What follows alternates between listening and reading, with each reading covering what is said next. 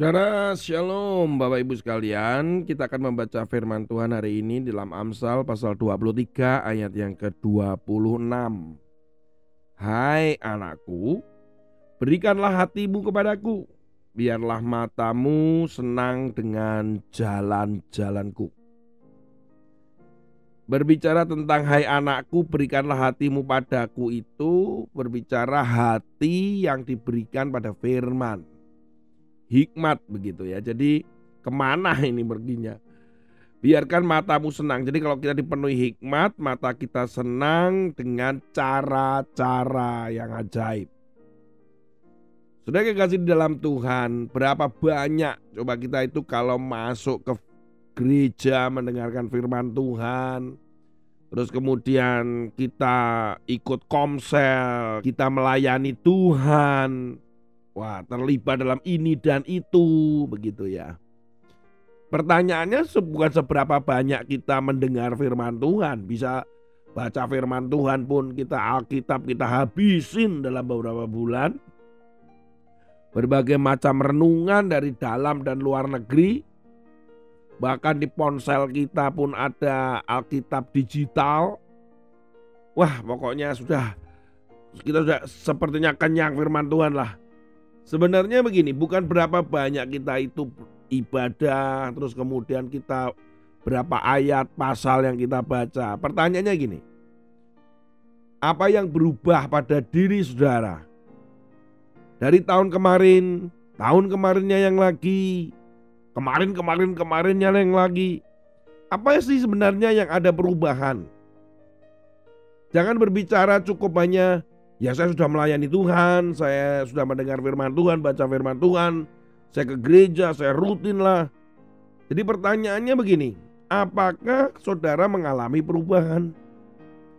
Karena setiap orang yang hatinya diberikan pada kebenaran, yaitu firman itu sendiri, yaitu hikmat itu sendiri, maka akan terjadi apa?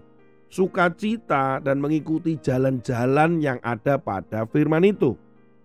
Kalau kita mengikutinya ya pasti kita berubah saudara. Pasti berubah. Pasti berubah. Ada banyak yang kita nggak pernah duga orang-orang ini mengalami banyak perubahan-perubahan di dalam hidupnya. Artinya mereka juga tidak hanya mendengar firman Tuhan saja tapi mereka melakukan. Hatinya itu benar-benar terarah kepada hikmat. Hatinya itu diberikan kepada firman. Kalau cuman kita berikan ya pikiran kita, tubuh kita, saudara enggak, enggak begitu. Yang penting perubahan itu ada di dalam hati. Kalau hatimu berubah, ya kita akan berubah dalam hal perbuatan kita. Kalau enggak, ya ya makanya di gereja, di persekutuan orang itu enggak berubah-berubah gitu Gak bertobat-tobat. Itu banyak sekali saudara. Banyak sekali. Saudara ya.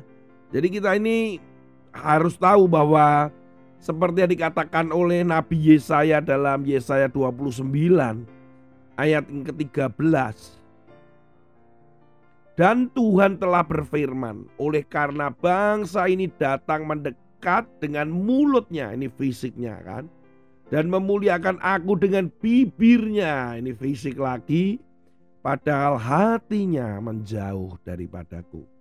Dan ibadahnya kepadaku hanyalah perintah manusia yang dihafalkan. Nih lihat nih kalau ada semua hafalan-hafalan itu seperti mantra-mantra ya. Ya, maka sebab itu sesungguhnya aku akan melakukan pula hal-hal yang ajaib kepada bangsa ini keajaiban yang menakjubkan, hikmat orang-orangnya yang berhikmat akan hilang. Ini keajaiban yang menakjubkan itu bukan berarti wah gitu ya, tapi ini adalah pembalasan Tuhan karena hikmat orang-orang yang berhikmat akan hilang. Jadi karena itu apa? Karena hatinya jauh dari firman. Hatinya jauh daripada hikmat. Mereka cuma bibir saja, mereka cuma mulut saja. Haleluya, mereka cuma mulut, oh puji Tuhan. Sedikit-sedikit keluar firman, tapi gak ada perubahan. Omong kosong, saudara. Jadi Kenapa kok tidak ada pertumbuhan? Kenapa kok nggak ada perubahan? Ada satu buku yang baru saja saya baca sekilas. Kenapa seseorang tidak ada atau tidak mengalami perubahan? Bukan karena tergantung dengan sekitarnya, tetapi tergantung akarnya. Akarnya kuat nggak dia untuk bertumbuh, mendobrak dan terus semakin tinggi. Nah ya akarnya kita apa? Ya, saudara. Itu harus firman, akarnya itu Kristus gitu. Sudah kasih dalam Tuhan, ayo mari kita. Jangan tanya berapa ayat yang sudah dibaca, pasal berapa dibaca, eh, gerejanya berapa kali sudah datang, program apa yang diikuti, panitia ini. Pertanyaannya, apa yang sudah berubah pada diri kita dibandingkan ya bulan lalu, dua bulan lalu, tahun lalu, tahun, tahun, tahun, dan tahun-tahun yang lalu dibandingkan dengan sekarang. Mari kita hidup dalam perubahan yang ditunjukkan dengan hati kita ini selalu mengarah kepada Kristus. Jangan sampai jauh daripada Kristus maka jalan-jalannya akan ditunjukkan kepada kita. Dan itu membuka mata kita dan mata kita penuh sukacita. Tuhan Yesus memberkati. Sampai ketemu pada episode yang lain. Haleluya diberkatilah saudara. Damai sejahtera dan sukacita Tuhan. Amin.